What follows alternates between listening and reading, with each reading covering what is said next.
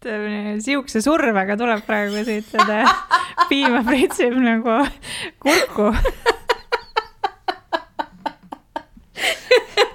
see, see. väga hea, kõik väga huvitav, millele me selles osas keskendume see on elu osa selles mõttes eks ole, mehed ei pea selliseid nagu podcast'i salvestusi tegema, kus vahepeal laps on dissi otsas, eks ole. et nagu maailmas ringi vaadates, ma ei ole kuulnud, et kuskil meestega räägitud podcast'is oleks vahepeal oh, nii sugeva survega tuleb praegult piima, oota ma korra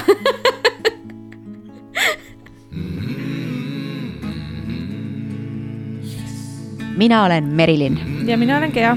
ja sina kuulad Jess lapsed taskuhäälingut. Jess lapsed. ja täiskasvanud. ja kõik need, kes ei tunne end ei täiskasvanu ega lapsena. kes on või ei ole lapsevanemad. me võtame siin taskuhäälingus ette kõiksugu kasvamise ja kasvatamisega seotud teemasid. näpistame neid pisut. kaasame erinevaid hääli ja mõttekäike ja anname justkui niidi otsa kätte. ja jätame sind siis mõtisklema mm. -hmm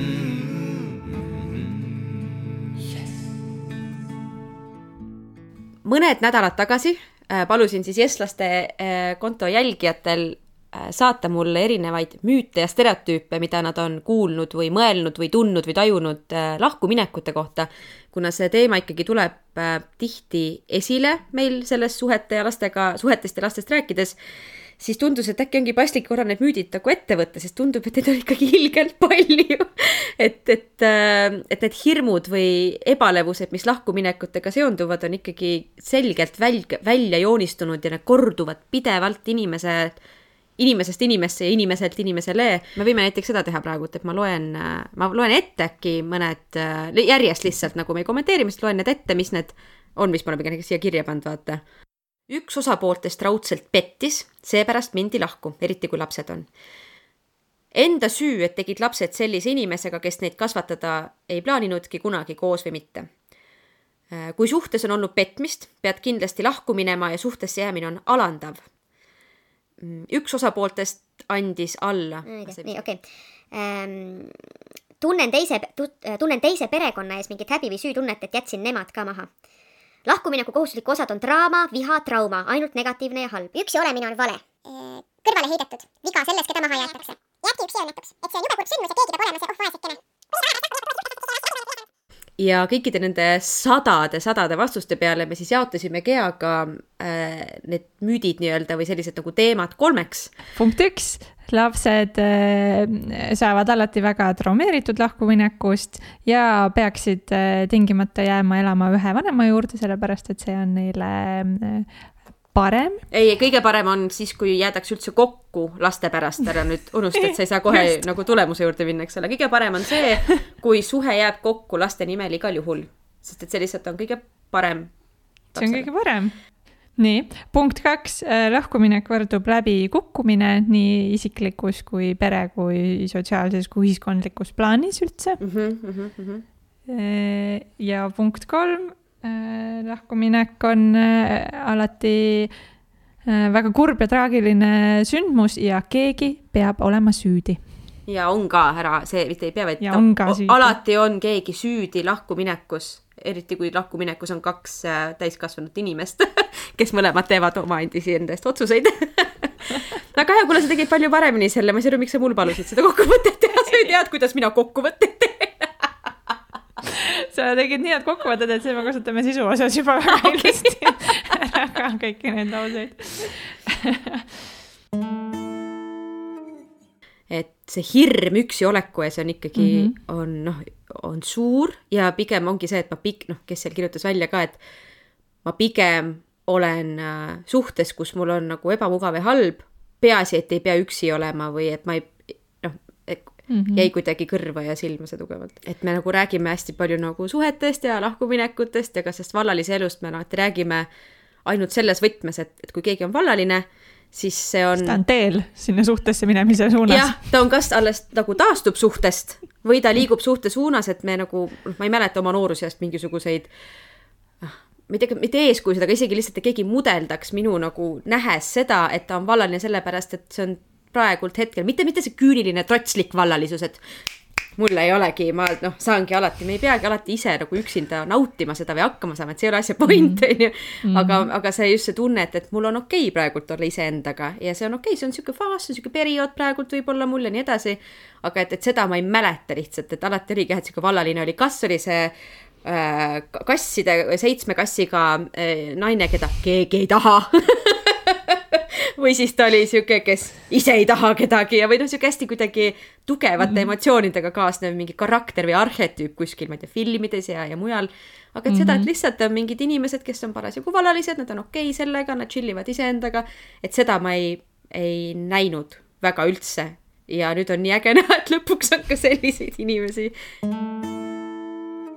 sina oled ju olnud pikalt suhtes ise mm. -hmm kui sina lugesid neid müüte ja stereotüüpe, mis need inimesed äh, kõik saatsid, mis tunne sul, noh, kas sa suhestusid kuidagi nendega või oli sul mingisugune tunne, et sa võiksid ennast neis ära tunda?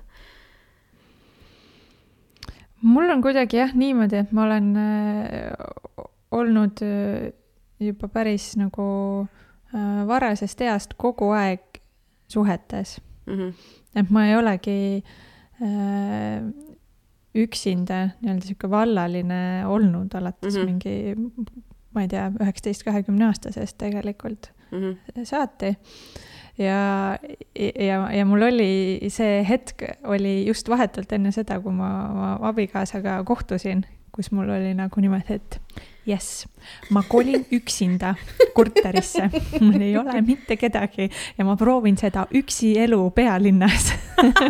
Ja see on nii põnev.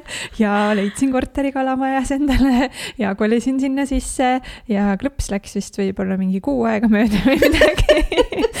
Kui juba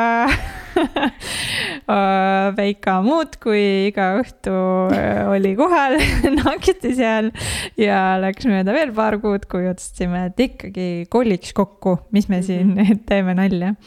et see oli väga, oli, ma mäletan seda hetke nagu, et mina hästi ootasin seda mm, -hmm. et ma olin, noh, olin elanud ka välismaal, on ju aasta aega, aga ka mitte täiesti üksinda, et ma olin korterikaaslastega ja tulin Eestisse ka, olin korterikaaslasega ja, ja kogu aeg oli mingi suhe nagu jooksis ka taustal ja siis, kui, kui lõpuks oli see hetk, et polegi kedagi ja nüüd saaks üksinda ja mis räägitakse nii, minul oli kogu aeg niimoodi, et nagu nii lahedad, põnevad nagu lood ikkagi sellest vallalise elust, vaata ja et saad siin ise sättida ja teha ja niimoodi olla ja läks see plaan ka nagu luhta, et aga noh, loomulikult väga, väga heal, heal viisil, eks ole ehm, et, et selles suhtes, ehm, aga, aga nüüd, kui ma olen äh, olukorras, kus kaks minu väga lähedast ehm, sõpra, äh, sõbrannat on, on lahutamas mm,, siis ma olen hästi palju mõelnud selle peale küll, et mm, -hmm. et mhm. mis nüüd, et kui nüüd, et ma olen nagu kaks väikest last on ja,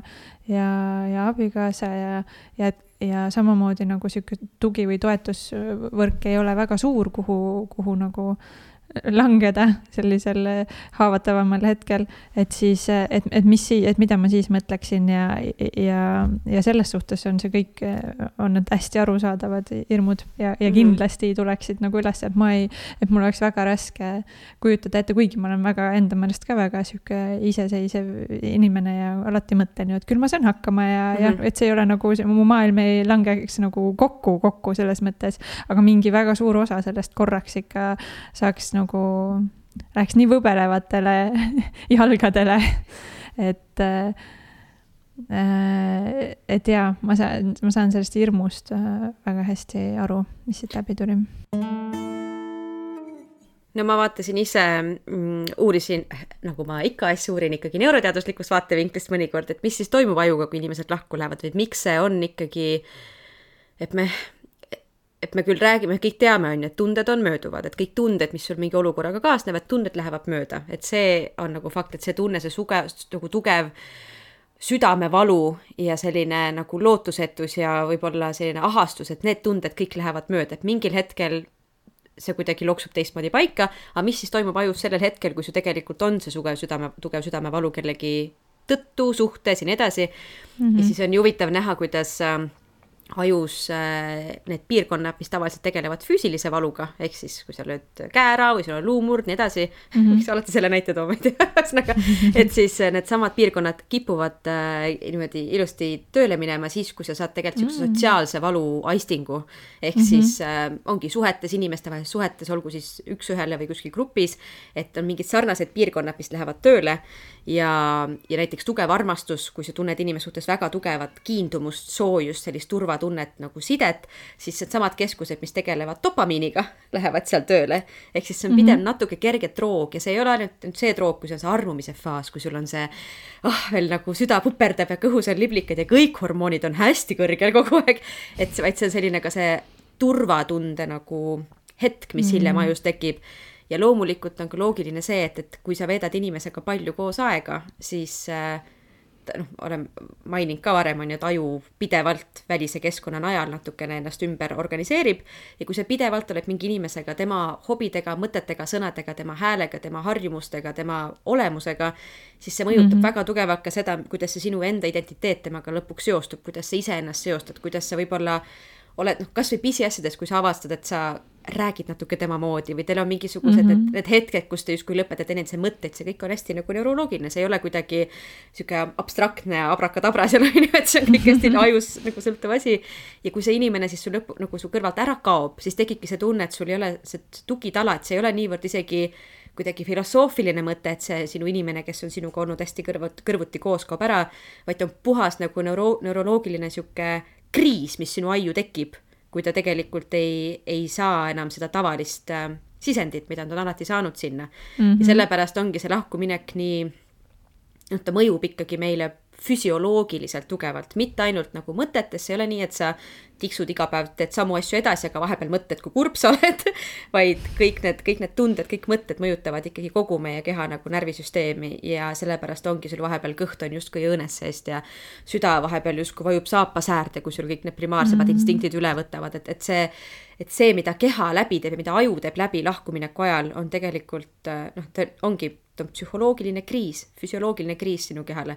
ehk siis ma saan väga hästi aru, mis inimesed, kes on oma elus lahkuminekuid läbi teinud või kes ainult kuulevad kõrvalt lahkumineku kohta kasvõi, sest me kuuleme väga palju, kuidas ikkagi, kes siin on äh, elus, ongi surnud südamevalusse, mida kõike veel, et mm, -hmm. et äh, on arusaadav, kui selle hetke endaga või selle sündmuse endaga juba seostuvad väga paljud sellised äh, tugevad negatiivsed tunded mm. -hmm nojah, ja mõnes mõttes see on ju isegi, kui, kui lahkuminek on nagu niisugusel nagu rahulikul viisil või nagu sõbralikult toimub, siis tõesti see pool, et sa nii palju iseennast defineerid läbi selle teise inimese, et need on nagu, et kui see on olnud mingi halb, halb suhe, kus sa oledki, sinusse on juurdunud kuidagi see, et ma ei olegi väärt ja töö on ju, see läheb mm -hmm. edasi ja sa pead selle kuidagi uuesti ümber mm -hmm. ehitama enda jaoks, on ju, või see, kui, kui see on nagu siukselt rahulikult baasilt ja aga et et, et siis see ikkagi nagu kaob ära, kaob ära see inimene, läbi kelle sa kuidagi nagu igapäevaselt peegeldad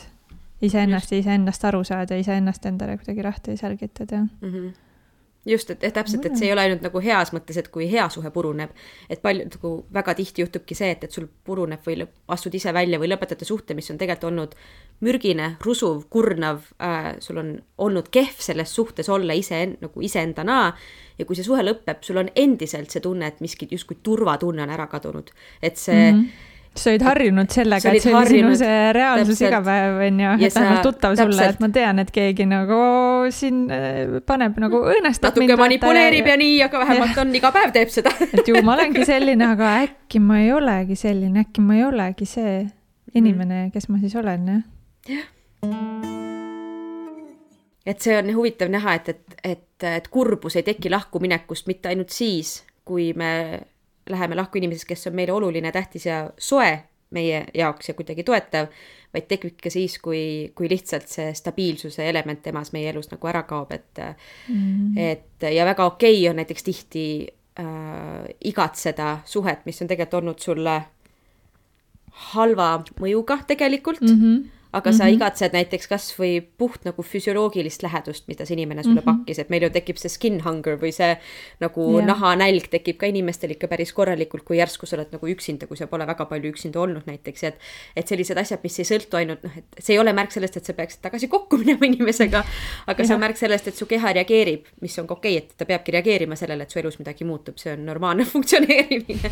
aga et, et seda nagu tajuda ise, et, et need asjad ei pruugi alati tähendada üht kui, või mm -hmm. kuidas ma sõnastan, ühesõnaga, et need ei pruugi alati olla nagu kuidagi omavahel põhjuslikuses seoses, et kuna ma igatsen inimest, kellega ma olin koos, siis järelikult ma peaksin tagasi sinna suhtesse minema.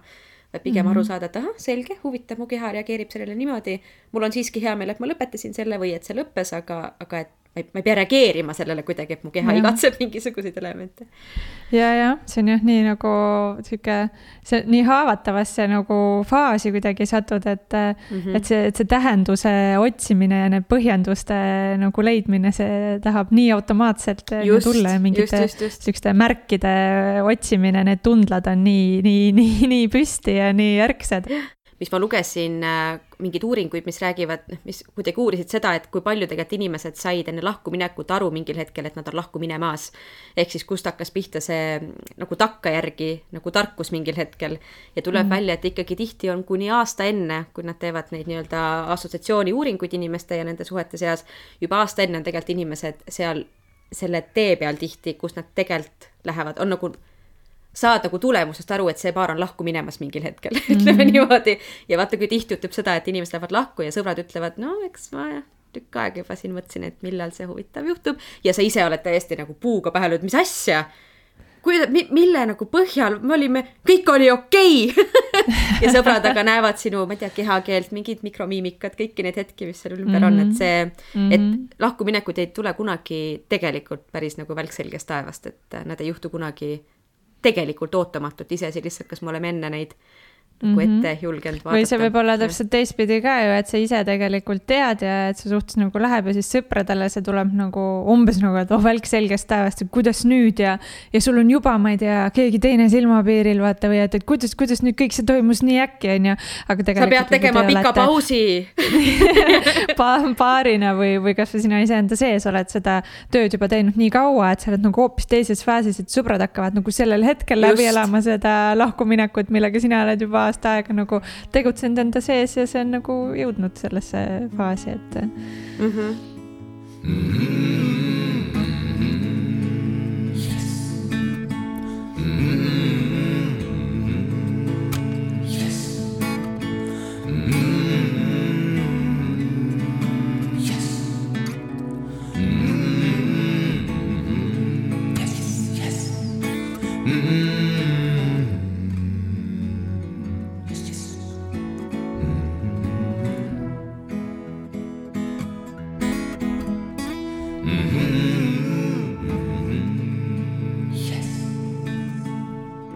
Võime minna siis selle äh, laste äh, vaatevinkli mm -hmm. peale üle, et sellega on nii huvitav, et siin on tõesti teadust on äh, igatpidi loomulikult uuritud, kuna see on väga oluline teema olnud, eriti viimasel mõnekümnel aastal, kus meil on väga palju rohkem lahkuminekuid just lastega peredes võrreldes siis varasemaga, kus jäädigi kokku, mitte küll laste nimel, vaid lihtsalt jäädi kokku, sest alternatiivid ei olnud üldse noh, reaalsed või nad ei olnud võimalikud mm -hmm. ei majanduslikult, sotsiaalselt ega nii edasi.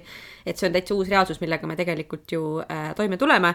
ja lühidalt äh, teadus ikkagi ütleb, kipub ütlema seda, et ähm, kui me mõtleme selle peale, et laste pärast on hea kokku jääda, siis lühiajaliselt jaa, nagu see on väga tore, kui neil täna on pigem selline päev, kus te täna ei lähe lahku aga pikaajaliselt on ikkagi äh,, ei ole ma seni kohanud äh, ei baariterapeute ega psühhoterapeute ega lastepsühholoogi, kes ütleksid, et jah, lastele on pigem olge edasi suhtes, kus on äh, selline apaatsus või külmus või nägelemine kui et mm -hmm. lähete lahku, et sellist asja noh, ei ole ikkagi kuskilt äh, tulnud. et siin keegi ütles ka välja hästi ilusti selle, et äh, see on nii äge, kui te olete otsustanud laste pärast kokku jääda. see on hästi ilus mõte, see on väga ilus žest ja see on nii äge, et lapsed on teie jaoks prioriteetsed ja ma nii loodan, et selle mõttega, et te jääte laste nimel kokku, kaasneb ka see, et te laste nimel siis saate teineteisega uuesti tuttavaks, et te laste nimel mm -hmm saate seda suhet uuesti hakata nagu üles ehitama, mingid augud täita seal ja nii edasi, et te laste nimel siis päriselt tegeletegi oma suhtega selle parandamise nimel vastastikuselt, siis see lause on igal juhul pädev, absoluutselt, see on nii tore, kui lapsed on motivaatoriks mm, -hmm. kui nad on nagu turvavõrguks seal teie jaoks ümber, nii edasi. aga sellega peab kaasnema ka muud kui lihtsalt see, et me oleme laste nimel koos, et, et see äh, ma selle pika mõtte veel lõpetan sellega ära, et ma ise hakkasin mõtlema, et, et äh, noh, me kõik teame, et lapsed õpivad meie pealt suhtemudeleid ka, on ju, et, et mitte ainult mm -hmm. nagu romantilise suhte mudeleid, vaid ka kõigi oma sõprussuhete mudeleid, nii edasi. et missugune see mudel on, mis äh, laps võtab kodust kaasa, kui see suhtemudel on, äh, on selline, kus vähemalt üks osapool tunneb ennast halvasti.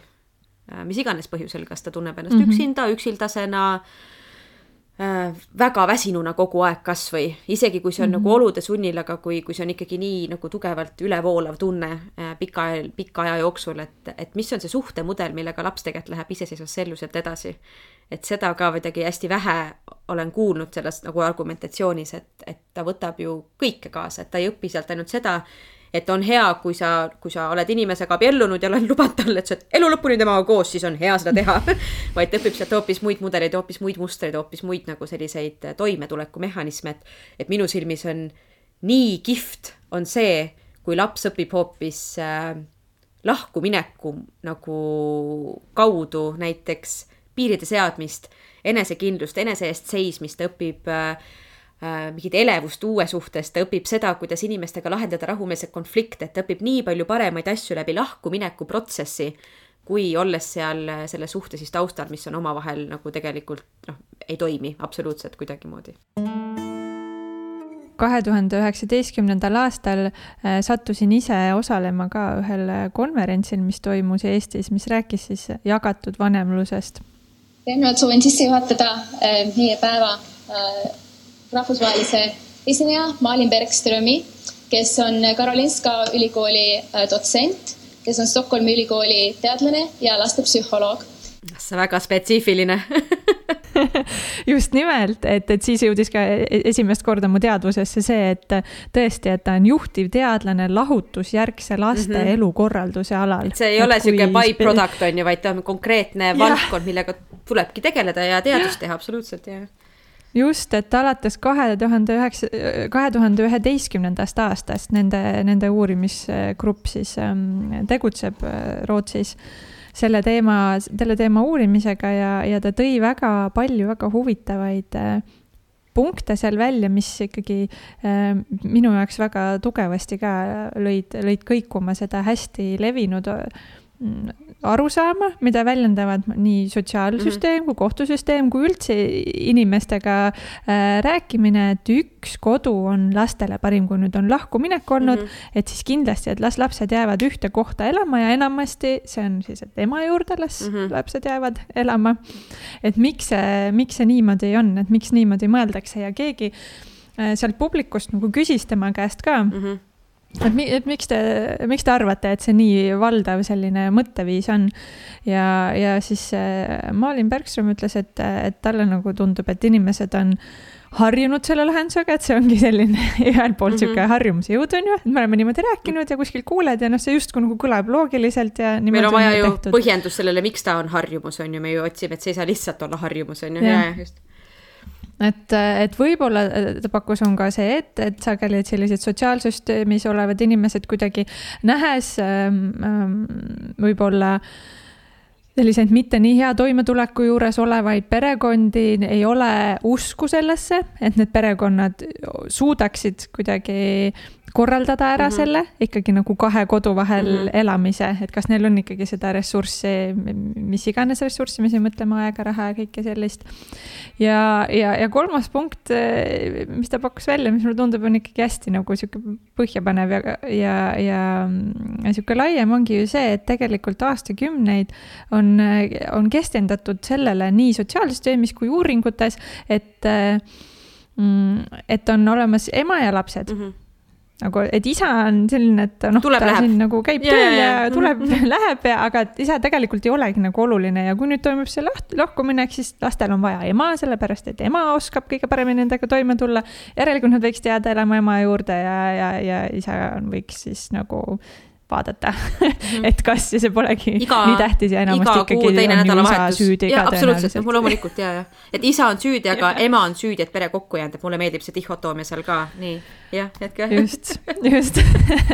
Et, et niimoodi ka tegelikult erinevad äh, siuksed nagu süsteemsed ja institutsionaalsed nagu vaated äh, sellele on olnud valdavalt äh, sellised, et, et, et peres ongi võtme, võtmeisik on üks mm -hmm. ja, ja kui see, lapsed jäävad selle ühe võtmeisiku juurde, et siis see kõik äh, on ikkagi parem mm. Mhm. -hmm. ja noh, nii ju ei ole kuidas siis on, Gea, palun? nüüd on vaja siin nüüd uurida seda asja, on ju, et ikkagi äh, kinnitada, et niimoodi ei ole. Sulle meeldivad need igasugused disclaimer'id on ju ja oled sihuke uuringute, et, et mismoodi yes! nüüd neid uuringuid lugeda vaata ja mulle niimoodi. et siin on ikkagi nagu oluline meeles pidada, et tegelikult ei näita ju need, et see on nüüd suur üldistus on need uuringud, see ei näita selle pere olukorda, et kas seal, milline tugivõrgustik seal veel on või, või millises vaimse tervise seisundis need vanemad parasjagu on, on ju. et, et, et noh, et neid uuringuid nii palju kasutatakse ja me siin ise ka nüüd nagu toome välja, räägime sellest, et et, et igasuguseid poliitikaid kuidagi korraldada ja mingeid otsuseid teha ja, ja, ja, ja, ja anda mingeid juhiseid, et vot nüüd nii ongi parem, on ju, et see uuring ütleb nõnda ja nii on, aga tegelikult äh, võib-olla on see üldse niimoodi, et see jagatud vanemlus ei pruugi olla niimoodi univaar-, universaalselt hea lahendus, et, et see, et see on hea siis, kui vanemad tegelikult koos otsustavad, on ju, et nõnda on okei okay ja, ja neil on ressursse, et seda edukalt korraldada. aga ja tead, kui me räägime uuringutest, siis nad räägivad, uuringud toovad välja keskmise, statistiliselt tihti keskmise. üksikisik ei pruugi absoluutselt äh, suhestuda sellega, mida mingi uuring näitab, et sihuke üldine disclaimer kõigile nendele teemadele. huh,. Oh my god, okei okay. et, et see, keda, keda need uuringud nüüd nagu kaasasid, ongi siis äh, viiskümmend, viiskümmend jagatud vanemlus on ju, et see ongi reaalselt täiesti nagu pooleks mm Mhm. -hmm. aja mõttes ka, et pool aega elavad lapsed ema juures, pool aega äh, isa juures, et on Mhm. mm -hmm. siis üks nädal ühega, üks nädal teisega või mingit muud moodi need päevad kuidagi jaotatud. et see on nagu nende, nende uuringute taust, nagu nad uurivad lapsi, on ju, et seda mm, -hmm. Mhm. et siis mismoodi nagu lastele mõjub see, kui äh, elatakse üksikvanemaga mm -hmm. või Mhm. kui elatakse siis äh, jagatud vanemluse kontekstis mm. -hmm. Mhm. siis alates kaks tuhat viisteist aastast nad ka, kaasasid ka äh, väikseid lapsi, päris selliseid mm Mm. -hmm. nagu lasteaialapsi, kahe-kolmeaastaseid lapsi Mhm. ja, ja noh, muidugi siin on jälle ka see, et igasuguseid tervisenäitajaid ja kõike hindavad ikkagi nende vanemad, on ju, et see käib läbi Mhm, vanemate, mhm, osades mm, kohtades oli võimalik kaasata ka kas õp-, noh, lasteaiaõpetajaid, on ju, et kes kuidagi peegeldasid vastu ka, aga kuhu jõuda tahame selle jutuga, on see mis on õige vastus, mis on õige tulemus, räägi meile, Gea, palun. et kõige, kõige paremini nagu äh, psühholoogilisel, psühhosomaatiliste tervisenäitajate puhul tunnevad ennast äh, lapsed, kes äh, elavad sellises jagatud vanemluse mudelis, kes mm -hmm. elavad osa ajast emaga ja osa ajast isaga. kõige kehvemini tunnevad ennast lapsed, kes on, elavad üksikvanemaga, kus teise vanemaga üldse nagu kokkupuudet Mm. mm. ei ole see Malin ütleb nii toredasti, et I would like to summarize our research by saying that a stability after the whirlwind of a divorce that can be uh, one stable family in two homes. et see ongi see, just, et täpselt mulle meeldib ka see mõte, et perekond olete te igal juhul edasi. Nagu selles ei ole see, kas te elate nagu kahes majas või kolmes majas või üks ühes riigis, teine teises riigis. et see ei muuda seda perekonna dünaamikat selles mõttes, et see on ikkagi teie luua, vaatamata teie aadressitele ikkagi.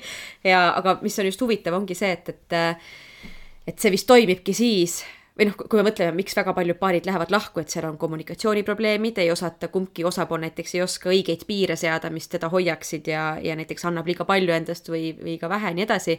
et, et kust siis tuleb huvitav see, või noh, et see peaks tulema mingisugune oskus lahku minnes justkui, kus järsku õpitakse siis kokkuleppeid tegema, suhtlema omavahel, rääkima hirmudest, lootustest, oma, oma mõtetest, muredest, et, et äh, miks ma olen ka kuulnud väga palju, või mitte väga palju, natukene tegelikult, ma ei tea, miks ma ütlesin väga palju, et mõned paarid on, et mõned perekonnad on hakanudki lihtsalt väga palju paremini läbisema pärast lahkuminekut, sest kaob ära see igapäevane see süütunne, surve, häbi, kõik need muud emotsioonid on jäänud alles ainult suhtlemine tegelikult, et isegi kui suhtlemine on ainult argistel teemadel mm, -hmm. siis seda on võimalik teha palju lihtsamalt, kui seal ei ole neid igapäevaseid identiteedi küsimusi niivõrd nagu sees mm -hmm. kui, kui argiasju.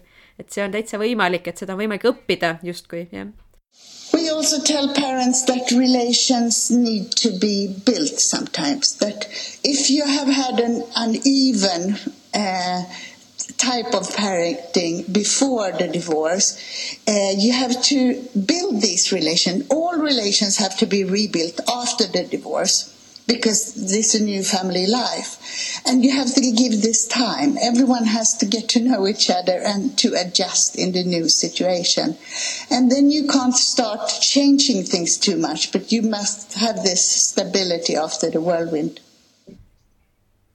Täpselt, et see ei ole nagu, ta ei ole lihtsalt, et miski. ta ei jätku, seesama asi ei jätku. just, just, just, just, ta ei lähe katki, ta ei jätku, ta muundub täiesti uude vormi ja see vajabki ikkagi noh, ideaalis kahepoolset ähm,, aga reaalsuses tihti muidugi on see, on see ühe poole nagu äh, veetud ja see on ka võib-olla üks huvitav või noh, selline mõttekoht, et äh, et kui see kommunikatsioon siis, et seda nagu mitme kodusüsteemi siis toimima saada et äh, see kommunikatsioon tihti kipub nii olema, et üks osapool siis annab tingimused ja seab need reeglid ja teeb kõik need nagu ütleb, mida tohib, mida ei tohi teha ja nii edasi, et tema on justkui see, kelle käes on rohkem seda äh, või mitte võimu, aga lihtsalt rohkem otsustust ja rohkem kontrolli, mis on ka väga tihti arusaadav. aga teisel, et see ongi see kommunikatsioon juba jälle kaob seal nagu eos ära, et, et, et ideaalis on see, et mõlemad ütlevad, pakuvad välja, mida nemad saavad teha, mitte et mida nad teiselt ootavad kogu aeg niivõrd väga. aga millega mina saan panustada, mida mina saan teha, mida mina saan endale võtta ja sealt siis jäävad need, mis, mis üle jäävad, need siis tuleb ära jagada teistmoodi, et, et seda jah, jah ja, ja tal olid ka nii paar nagu päris kihvti nippi seal, mis oligi mõnes mõttes ju lihtsad, et noh, tänapäeval ju saab nii palju ka jagada seda, et mida, mida teine inimene teeb, aga siin on jälle nagu tähtis see, et sa kuidagi ei et sellel oleks ka oma süsteem, et kuidagi vanemad mõtleksid välja on ju süsteemi, kuidas nad jagavad seda infot omavahel, et näiteks ongi, kui te mõtlete, et noh, et ma tahaksin, et välja, et ma tahaksin, et sa saadaksid mulle pilte selle kohta, äh, mis te teete, aga et siis lepid kokku, et aga et saadagi palun nagu kaks korda päevas pilte, vaata, saada hommikul ja õhtul, mitte et sa ei saada mul on kogu aeg sõnumeid, vaata, kus te nüüd olete, äh, mis te teete, vaata, kuhu te läksite, et teil on kokku lepitud, ma saan hommikul ja õhtul, ma saan pildi ja ma näen, et mu lapsega on kõik korras, vaata. või et ma kasutan kuidagi eraldi postkasti, äh, me kasutame lapsega nagu suhtluseks, vaata. et mul ei tule nagu meilid ting-ting-ting ei jookse nagu kogu aeg mul sinna töömeilid ja kõige vahele, vaata. vaid et me nagu, et mul on eraldi postkast, kuhu ma login sisse, et kui laps on, ma ei tea, nädal aega seal, olenevalt lapse vanusest, et me kord nädalas nagu räägime seal selle kohta ja sa saadad mulle mingisuguseid asju, vaata, et sa pead ikkagi ise ka nagu, kuidas tõmmata piiri ja need tänapäeva vahendid ühelt poolt nagu soodustavad, mulle tundub seda, et see ei olegi nagu piir, et kogu aeg on, kõik peab olema kättesaadav aga sa pead nagu endale panema, et hmm. ja see on hästi, noh, ongi distantsilt on nii lihtne praegu öelda seda, et noh, usalda seda teist vanemat, mis siis, et ei ole väga palju lapsega üks-ühele varem koos olnud ja ta-ta-ta-ta, et me, me ju näeme kõrvalt, kui raske on seda usaldust tekitada ja kuidas see tihti noh, tuleb ka põhjusega see usaldamatus, sest et see varem ei olegi olnud olukorda, kus see teine vanem võib-olla nii palju siis lapsega on koos aega veetnud, üks-ühele ta tundma õppinud.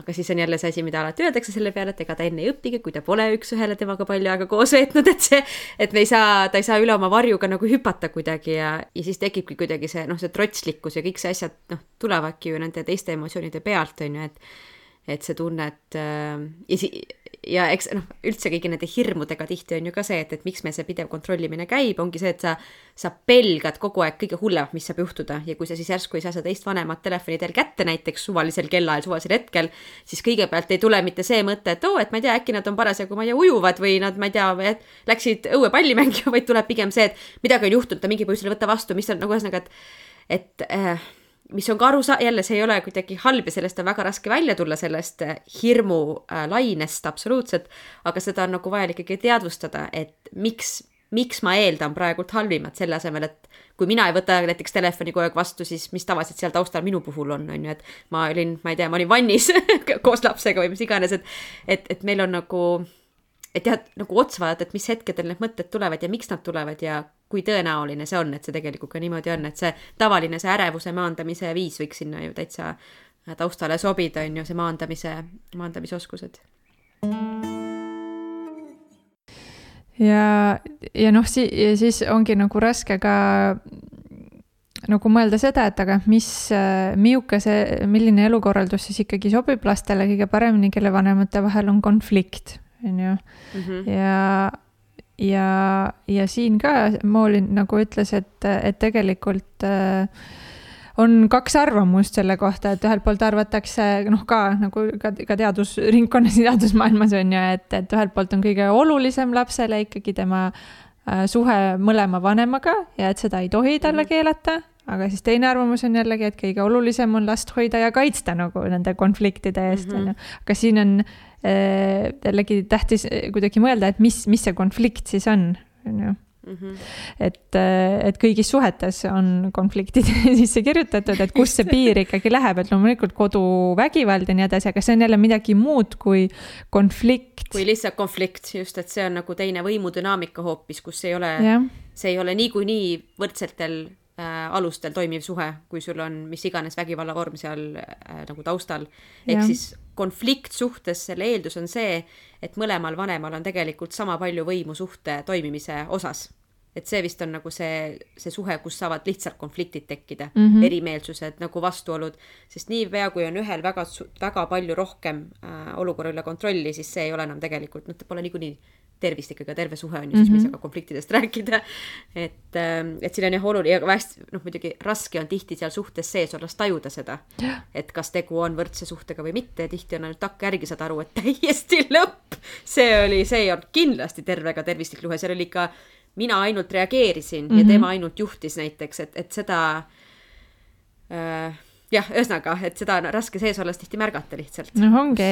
ja sageli ka, et, et niikaua, kui meil on ka seotud äh, igasugused äh, rahalised äh, ressursid äh, sellega, et umbes kellel on hooldusõigus ja kuidas äh, ta siis mm -hmm. nagu pinnas äh, et, et üks oleks oluliselt palju soodsamas olukorras kui teine erinevatel põhjustel, kas või nagu majanduslikel on nii kerge tekkima ja siis kuidagi mm -hmm. need sellised konfliktid omandavad ka hoopis teistsuguse kaalu või tähenduse, aga põhimõtteliselt mm -hmm soovitab äh, siis äh, proua Bergström ikkagi ka läheneda sellele kui tööalasele, et kui sa oleksid, et nüüd võid vaadata nagu, kui oleksite ühes office'is töötavad sellised kolleegid, on ju, et, et kus tekib ka konflikte, võib tekkida väga tuliseid mhm. konflikte mm, -hmm. aga et selline lahendamise kuidagi viis võiks olla sarnane selliste tööalaste konfliktide lahendamise viisiga, mulle tundub ka nagu, et inimesed väga erinevalt lahendavad tööalaseid konflikte, vaata ja väga.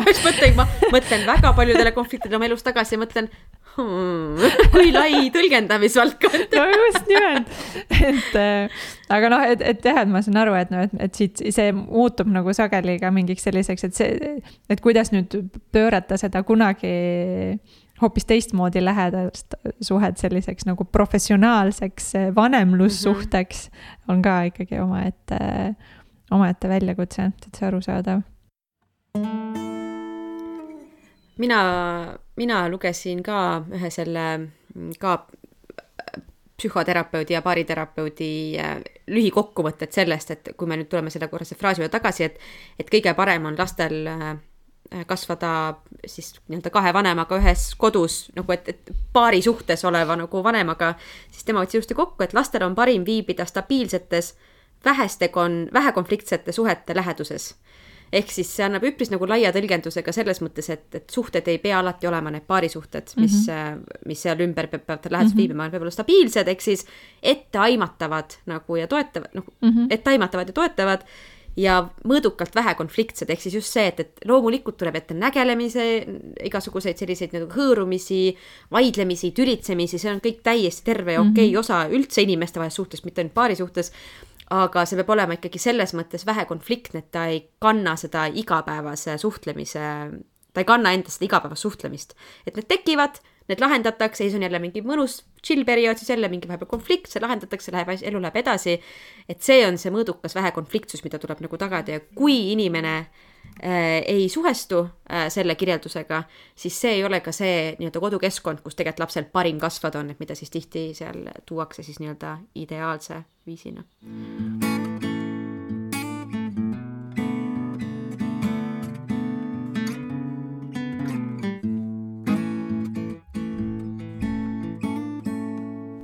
ma tahaksin siia vahele väga jagada ühte lahkumineku lugu aga mitte selle nurga alt, et äh, mis selle lahkuminekuni viis ja kuidas see kõik täpselt oli, vaid hoopis sellest, millised lahendused veel on peale lahutust oma elu korraldamiseks võimalikud. et kuidas selline nii-öelda jagatud vanemlus võib äh, ja saab toimida mitte endise abikaasa või elukaaslasega, vaid hoopis kellegi kolmandaga selleks äh, hüppame korraks Brightonisse, ühte mu siinse kodu lähedal asuvasse väga hubasesse välikohvikusse, kus istusin päikeselist hommikupoolikut nautima viimast kuud lapse Hotel Hannaga. I am Hannah Ayin and I am thirty three years old. I will be famous in Estonia.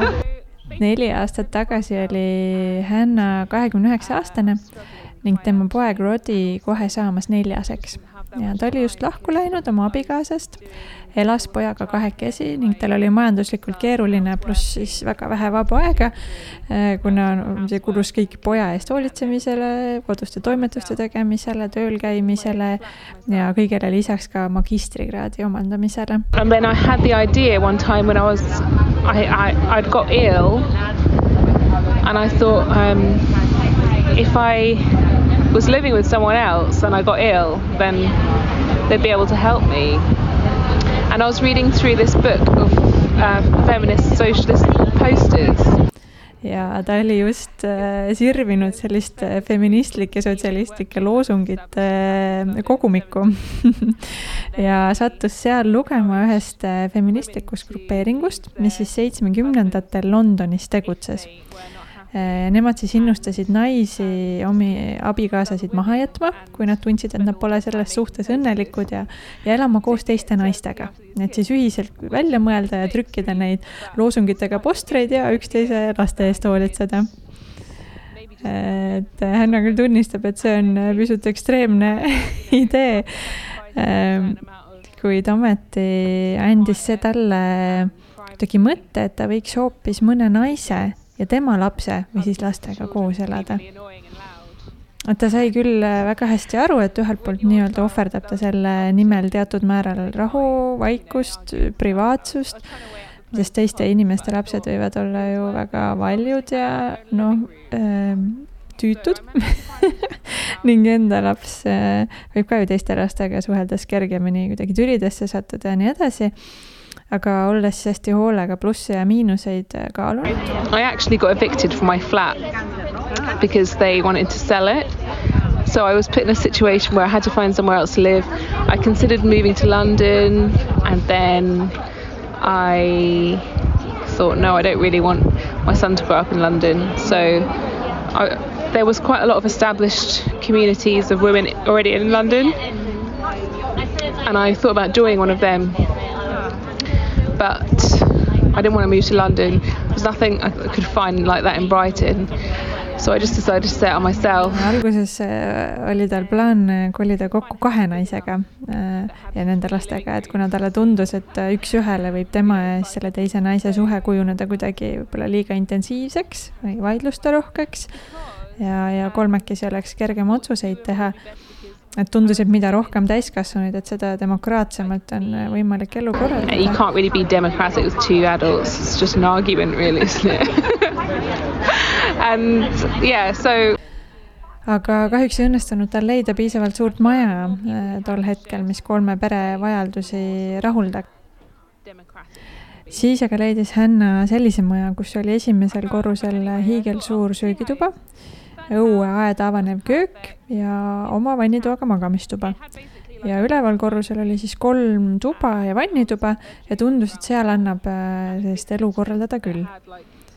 et Londonis elades ka oli Hannal alati korterikaaslased ja selles mõttes oli ta harjunud nagu eluruumi jagama et enamasti olid need inimesed tema sõbrad või sõprade sõbrad, nii et kokku kolides oli tal enam-vähem aimu, et, et millised nad on missuguste vaadete või tõekspidamiste ja, ja suhtlemise viisidega, aga aga otsides endale korterikaaslast internetist äh, ei ole ju nagu tegelikult aimugi, et millise inimese otsa sa sattuda võid.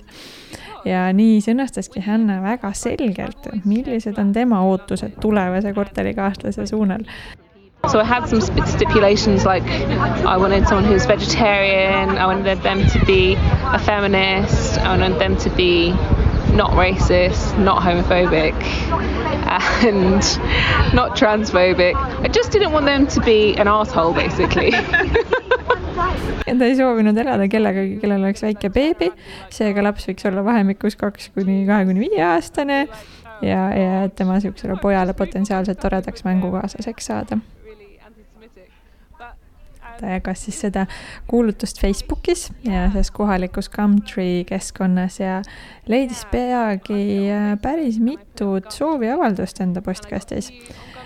Äh, aga kõik need eelmainitud nõudmised ajasid ta otsingu suhteliselt spetsiifiliseks muidugi, nagu võib aru saada ja nii jäid äh, mitmed kandidaadid kohe eos välja ja sinna juurde muidugi aspekt, et tegelikult äh, paljud lastega inimesed ei ole ju otseselt huvitatud korteri jagamisest ega, ega pööra sellistele kuulutustele üldse tähelepanu. So anyway, a friend of a friend put me in contact. She'd moved from Ireland to Brighton because she had some friends that lived in Brighton and she had previously lived in London. aga taaskord naeratas saatus Hannale ja temani jõudis üks tast sõbra sõber, kes oli hiljuti Brightonisse kolinud. et neiu oli siis Londonis saanud lapse juhusuhtest ja mees polnud kunagi beebiga kohtunud.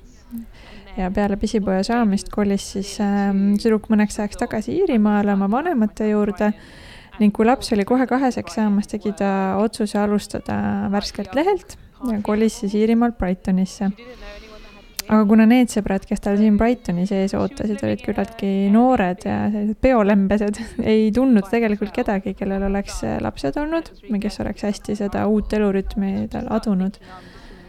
ja nii elas ta oma pisipojaga siis selles tillukeses Airbnb korteris ja mõlgutas Hännaga kohtumise hetkel tegelikult juba mõtteid tagasi Iirimaale kolimisest Hanna Nääraki, et nad kohtusid kohvikus ja, ja tunne oli, nagu nad oleks pimekohtingule läinud.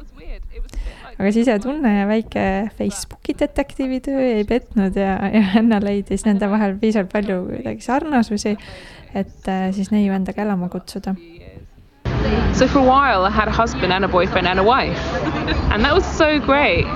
When you've got one child and three partners korteris või noh, majas siis ütleme kordamööda tehti süüa, ühiselt osteti nädalaks vajalikud põhilised toidukaubad. ja kuigi vahepeal oli Hanna poeg siukses faasis, kus ta pidevalt piimaklaasi põrandale viskas, et siis ostis Hanna piima ise, et seda ikka teistele ka jaguks, aga, aga, aga kõik see oli kuidagi nii mõistliku hinnaga, et Hanna maksis tegelikult äh, oluliselt vähem renti kui pojaga kahekesi väikses korteris elades. ja kommunaalkulud ja internetiarved jagati omavahel pooleks ja, ja kokkuvõttes äh, tunnebki Henna, et see oli kordades soodsam ja, ja mugavam elukorraldus omavahel siis korraldati kord nädalas nii-öelda kokkuvõttev koosistumine, kus sai rääkida, mis toimunud on, mis toimib ja ei toimi ja noh, need olid kohati väga keerulised vestlused ka, tõdeb Hanna, kuna teatud teemadel on, on raske teisega rääkida. It's hard because you are like you, it's hard to have that confrontation sometimes, especially when it's about someone else's child's behavior or money. aga vaatamata sellele, et see oli keeruline, oli see Hanna jaoks ikkagi kergem, kui kõike üksinda teha ja, ja kui Hanna ellu tuli tema uus peigmees, siis äh, lühikest aega elati veel niimoodi ühiselt koos ja kui Hanna kolis kokku Peikaga, sellega, kellega nad siis nüüd kohe-kohe lapse saavad äh,, leidis tema majakaaslane endaga elukorraldust jagama hoopis ühe väikese pojaga üksikisa ning selline omamoodi jagatud vanemluse muster ja, ja toetatud elamine selles mõnusas majas äh, sai ikkagi edasi jätkuda mm. -hmm. On süüdi, kes on süüdi, häbi, on häbi, häbi, süüdi, on häbi, süüdi, süüdi, süüdi. aa, mu magistritöö on ju äh, vanemate süü ja häbitunne, ma mõtlesingi, et issand, kui tore, et see kuidagi praegu haagib, ma nüüd, mitte et ma oleks hakanud kirjutama seda ühestki otsast, aga see on vähemalt mu teema, ma isegi ei tea, mida ma uurin, aga ma midagi uurin seal, äkki ma võikski uurida siis tegelikult lahkuminekut, ühesõnaga kõik siuksed asjad, aga äh, et lihtsalt jah, huvitav, kuidas see nagu teema kuidagi käib mul iga päev läbi, need kaks sõna, süü ja häbi ja tegelikult, kui ma ise sain aru, et nooremana, noh, varem kasutasin neid ikkagi suhteliselt äh, sünonüümsetena tihti. ma ei, tegelikult ei eristanud väga ära, et kui ongi, kui öeldakse, et sina oled süüdi, see on sinu süü või et appi, mul on nii piinlik, mul on nii häbi, et need tundusid täpselt kuidagi, need mõjuvad füsioloogiliselt hästi sarnaselt, mul on tunne nagu kõhule ja südamele ja nahale ja peale. ja ma ei, vist kunagi ei mõelnud nagu läbi, et mis hetkedel äh, kumb emotsioon siis tegelikult on nagu ähm, üle võtnud kontrolli millega see süütunne mul ja see häbi, mis sellega kaasneb, see vist äh, minu jaoks seostubki natuke sellega, et kuidas inimesed ka üksi olekut näevad ja kuidas inimesed näevad nagu vallalise elu. et maast madalast meid kogu aeg kasvatatakse selles suunas, et, et kui sa kunagi lõpuks oled selles paari suhtes ja kui sa abiellud ja, ja meil seda luuakse pidevalt nagu hästi loomuliku jätkuna ja sellise nagu normaalse stabiilsusena, et sa oled paari suhtes ja, ja kuna meil vähemalt noh, mina oma lapsepõlves ei näinud väga palju neid vastupidiseid siis nagu näiteid, siis nüüd ongi, sellega kaasneb ka see tunne, et sa oled justkui mingist nagu sotsiaalsest nagu stsenaariumist ähm, kõrvale vajunud. et sul on see mingisugune lineaarsus, mida sa justkui pead jälgima ja järgima ja kui sa järsku selles lineaarsuses enam ei osale, ehk siis kui sa ei, sa kasvasid, on ju, sa käisid koolis, siis sa läksid tööle, siis sul tekkis suhe, siis sealt suhtest on ju minnakse mingil hetkel elad, kolitakse kokku, siis kihlutakse, saadakse lapsed, siis abiellutakse, võetakse koer ehitatakse maja. et see on vist enam-vähem nagu sotsiaalne nagu skript või selline nagu stsenaarium, mis kipub nagu ta ei kehti alati, selles mõttes me teeme kõik suvalises järjekorras, aga see on endiselt kuidagi kuklas meie lapsepõlvest või nagu nähtud nagu lugudest ja kui sa siis mingil hetkel nagu lõikad läbi selle, ehk siis sa lähed lahku inimesest, selle, sest et kõik su ümber ikkagi, ma ei tea, sugulased ja inimesed ja sa ise vaatad seda suhet alati kuidagi lineaarsena, et sellele, noh, et kui sa hakkad kokku kellegagi, siis mingil hetkel justkui peab edasi liikuma suhtes järgmise etapini, siis järgmise etapini, järgmise etapini. ja kui sa selle nagu vahepeal ära lõikad, siis esiteks on seal hirm, et ongi, ma pean hakkama kellegagi uuesti tegema seda algusest peale, eriti kui see lõhkumine toimub mingi sellises nagu hilisemas etapis, kui on mingid nagu need verstapostid justkui läbitud.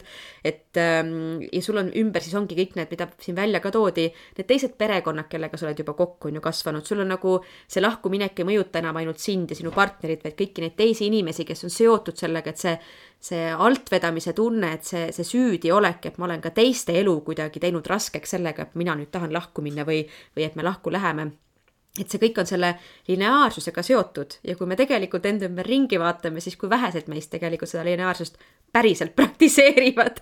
et, et kui meil, palju meil on olnud kõigil nagu neid lahkuminekuid ja, ja koosolekuid ja, koosolekuid ja, ja koos, koos väga palju, eriti nüüd viimasel aastal siin veebi teel nii palju koosolekuid. et, ähm, et seda lineaarsust me ikkagi, et mul on ka tunne, et üks viis võib-olla selle süütundega nagu silmitsi seismiseks, on korra endale sõnastada, et mis on need hirmud või mis on, keda sa tunned, et sa alt vead tegelikult või missuguseid stsenaariumeid sa justkui alt vead või, või kellest see tunne sinusse tuleb, et see väga harva tuleb ju lihtsalt iseendast nagu sellepärast, et ma, ma tunnen, et ma olen midagi teinud iseenda jaoks valesti, et see on ikkagi kellegi teise silmis valesti või üldise loo mõttes valesti ja nii edasi, et ähm, äkki see on ka mingi üks sihuke mm -hmm. nagu nõks, millele mõelda, et kelle lineaarsuse järgi me tegelikult oma suhteid hindame üldse mm. -hmm.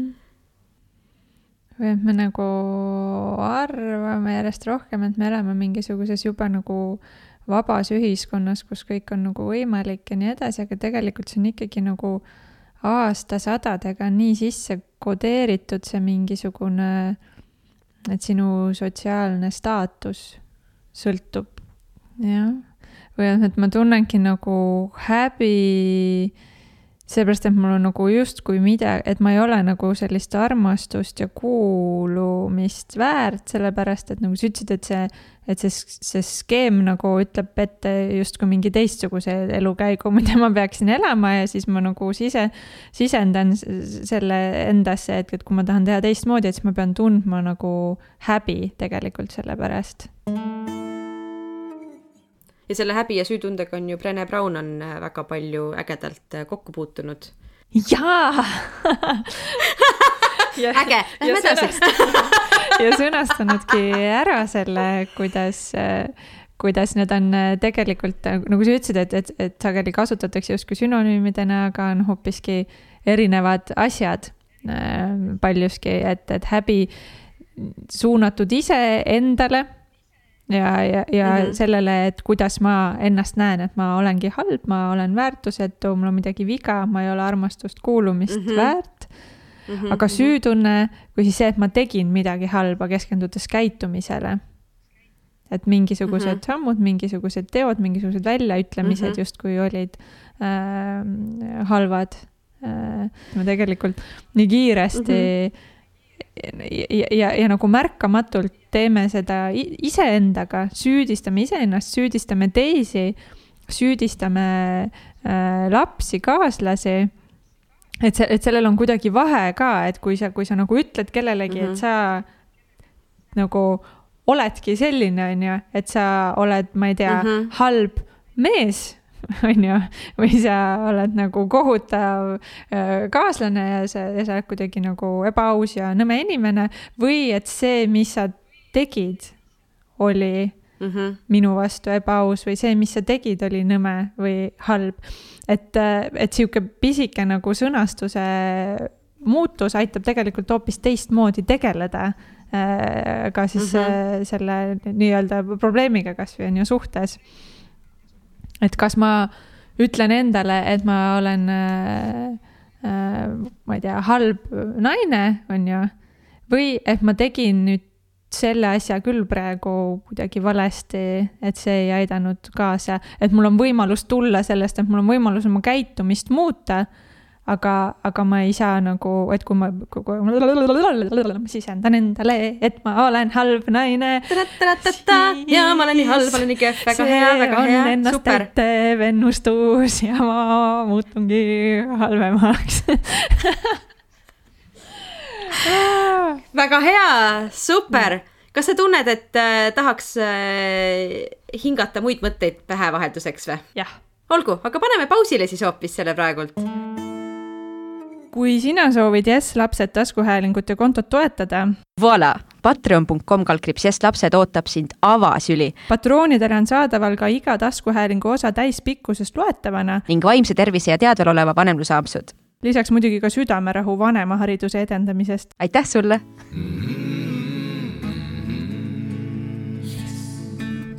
mida, mida öelda siia selle puterdamise otsa nüüd ei teagi ei, mõte läks ju väga õiges suunas ja e, noh, liikus suunas, millegi suunas kogu aeg ja ja, ja õnneks võttis selle kokku äh, hoopis keegi teine inimene meie eest kõik need mõtted.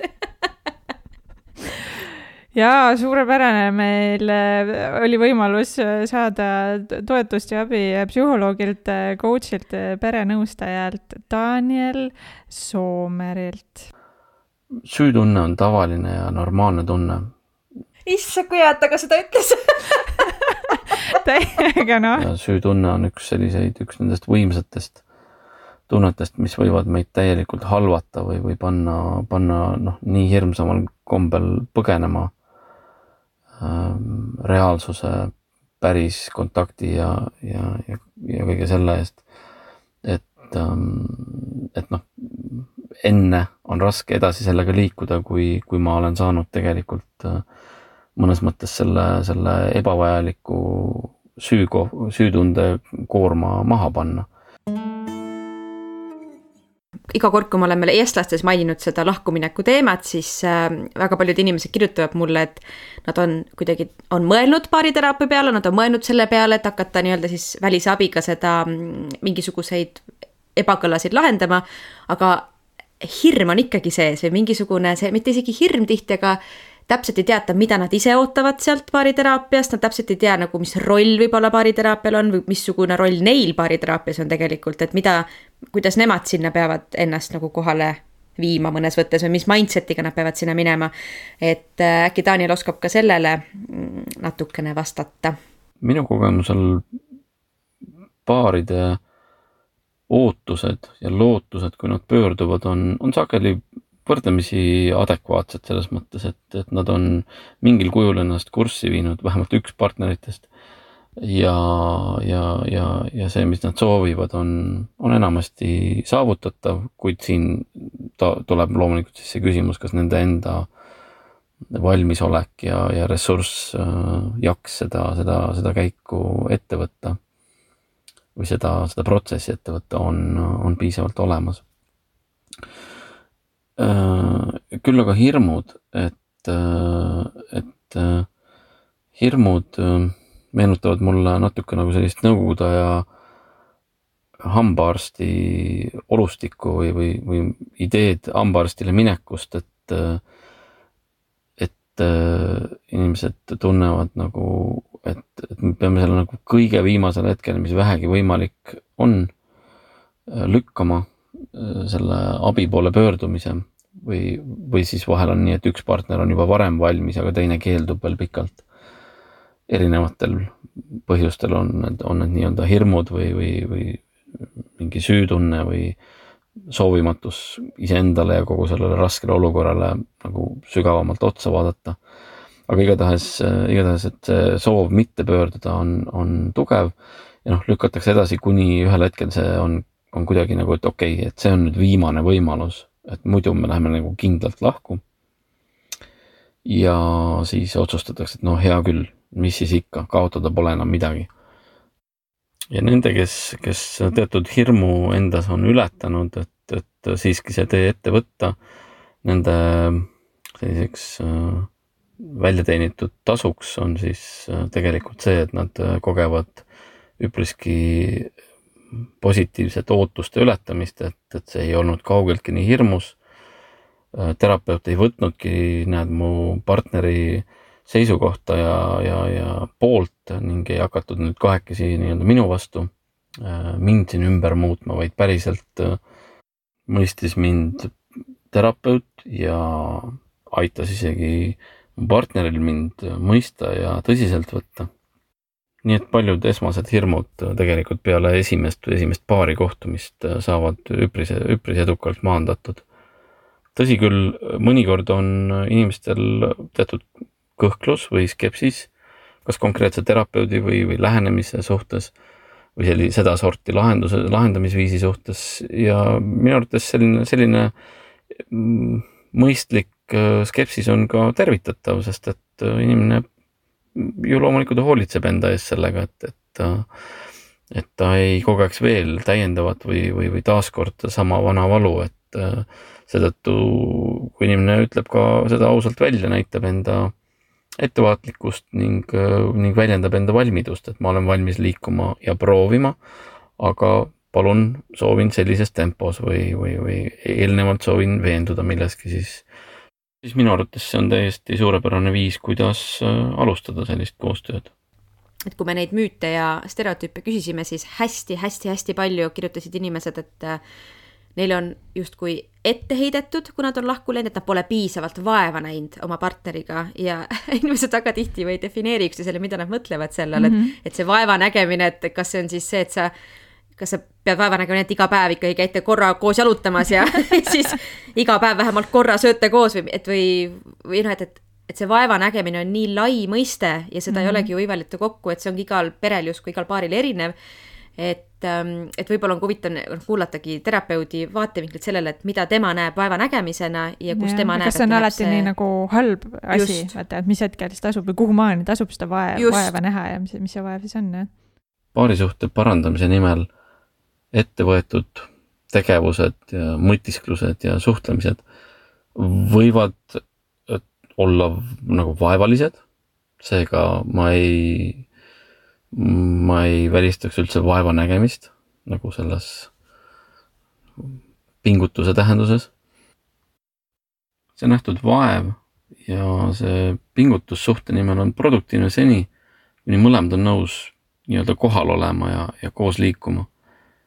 Samas see tempo ja, ja need sammude suurused on, on tegelikult minu arvates ainult nende kahe inimese hinnata. et, et nad nad ise hindavad, mida nad vajavad, kui kiiresti nad peavad liikuma, kui, kui jõuliselt ja, ja seda tõhususe hindamist ja selle vajalikkuse hindamist.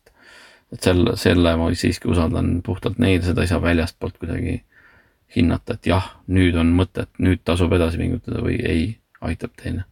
seda ei saa keegi väljastpoolt hinnata hiljuti siin just küsisin ka nende käest, et või keegi oli palunud küsida inimestelt, et kas keegi mõtleb ka lahkumineku peale. ja peaaegu seitsekümmend protsenti inimestest ütlesid, et nad on mõelnud lahkumineku peale. kes palus küsida ja... mida? aa, seal. ma tegin neid polle, vaata. pollides, ja, ja, ja et, et seitsekümmend prossa vastasid, et nad on mõelnud lahkumineku peale, kolmkümmend ütlesid, et neil pole mõttessegi tulnud ja see on nagu noh, need oli ikkagi tuhandetes need vastajad mm. -hmm. ehk siis see, et inimesed on mõelnud lahku, no küll ei pruugi seda teha kunagi, see on võib-olla mingil nii-öelda noh, nagu pingelisemal, raskemal hetkel, aga see, see mõte käib ikka kogu aeg läbi ja mis hetkel siis on käes see, see tunne, kus. kuidas siis saada aru ongi. nagu. minu kogemus ütleb, et inimesed on nii erinevad ikkagi ja nii unikaalsed, et ühtset välist näitajat äh, ei ole mõtet otsida, vähemalt mina ei otsi seda mm,. pigem see ongi mõlema inimese selline sisemise kaalumise tulemus, et Äh, ja niisugune nagu mitte ühel hetkel ei tehta see, vaid selline pideva jooksva hindamise tulem.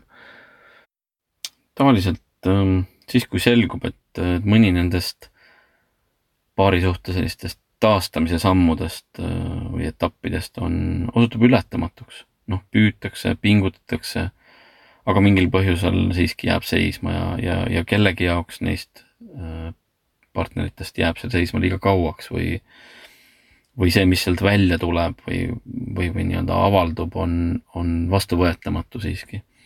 tihti tuleb see otsus äh, sellise kombinatsiooniga sellisest analüüd, analüüsist, enese olukorra analüüsist, reflektsioonist ning äh, kombinatsioonina kõhutundest. ja, ja, ja noh, ja siin on noh, kui need ühtivad, siis on tavaliselt äh, otsustada võrdlemisi lihtne raske on, kui need, kui need otsused on, on kuidagi vastuolus. kui üks või mõlemad partnerid otsustavad, et, et nad ei soovi selle partneriga või seda paarisuhet jätkata, et siis võib üle minna lahkumineku suunale. ei pea, ei pruugi, nad ei pruugi tahta, aga see võimalus on. ja baariterapeut saab siis seda loomulikult pakkuda. no kõige olulisem, mis äh, selle käigus toimub, on see, et eesmärk muutub ja, ja põhimõtteliselt äh, minnakse tagasi, protsessi mõttes minnakse tagasi teatud alguskohta. Kuigi eelnev ka ei kao ära kuskile, et see, sellest on siiski kasu enamasti. Äh, eesmärk muutub, läheb algusest peale uus sõnastamine, uue eesmärgi, uuest eesmärgist lähtuvalt Äh, võivad äh, siis nüüd teemad, millest rääkima hakatakse või, või millele keskenduma hakatakse, võivad olla sarnased tegelikult, aga võivad ka olla erinevad, see nüüd sõltub, mis see eesmärk saab siis olema, eks ole, et inimesed ja paarid võivad olla erinevate, erinevate küsimustega. no terapeudi jaoks on mõnes mõttes tegu nüüd kas sellise kombinatsiooniga või, või eraldi võetuna sellise lepituse ja kokkulepete toetamise protsessiga mingil, mingis mõttes läbirääkimised ja, ja selline vahendamistegevus või, ähm, või hoopis teatud sellise leinaprotsessi toetamisega, kus, kus selle, kus nagu ollakse koos selles kaotuse valus ja selle toetamisega. mõnikord jätkatakse seda nagu individuaalselt, ähm, mõnikord äh, on teatud osa, osaga seda saab seda koos teha. Ähm, no sageli tegeleme valu ja tunnete selle sellest teravusest ja sügavusest nagu väljatulekuga või, või, või nende, nende valude ravimisega.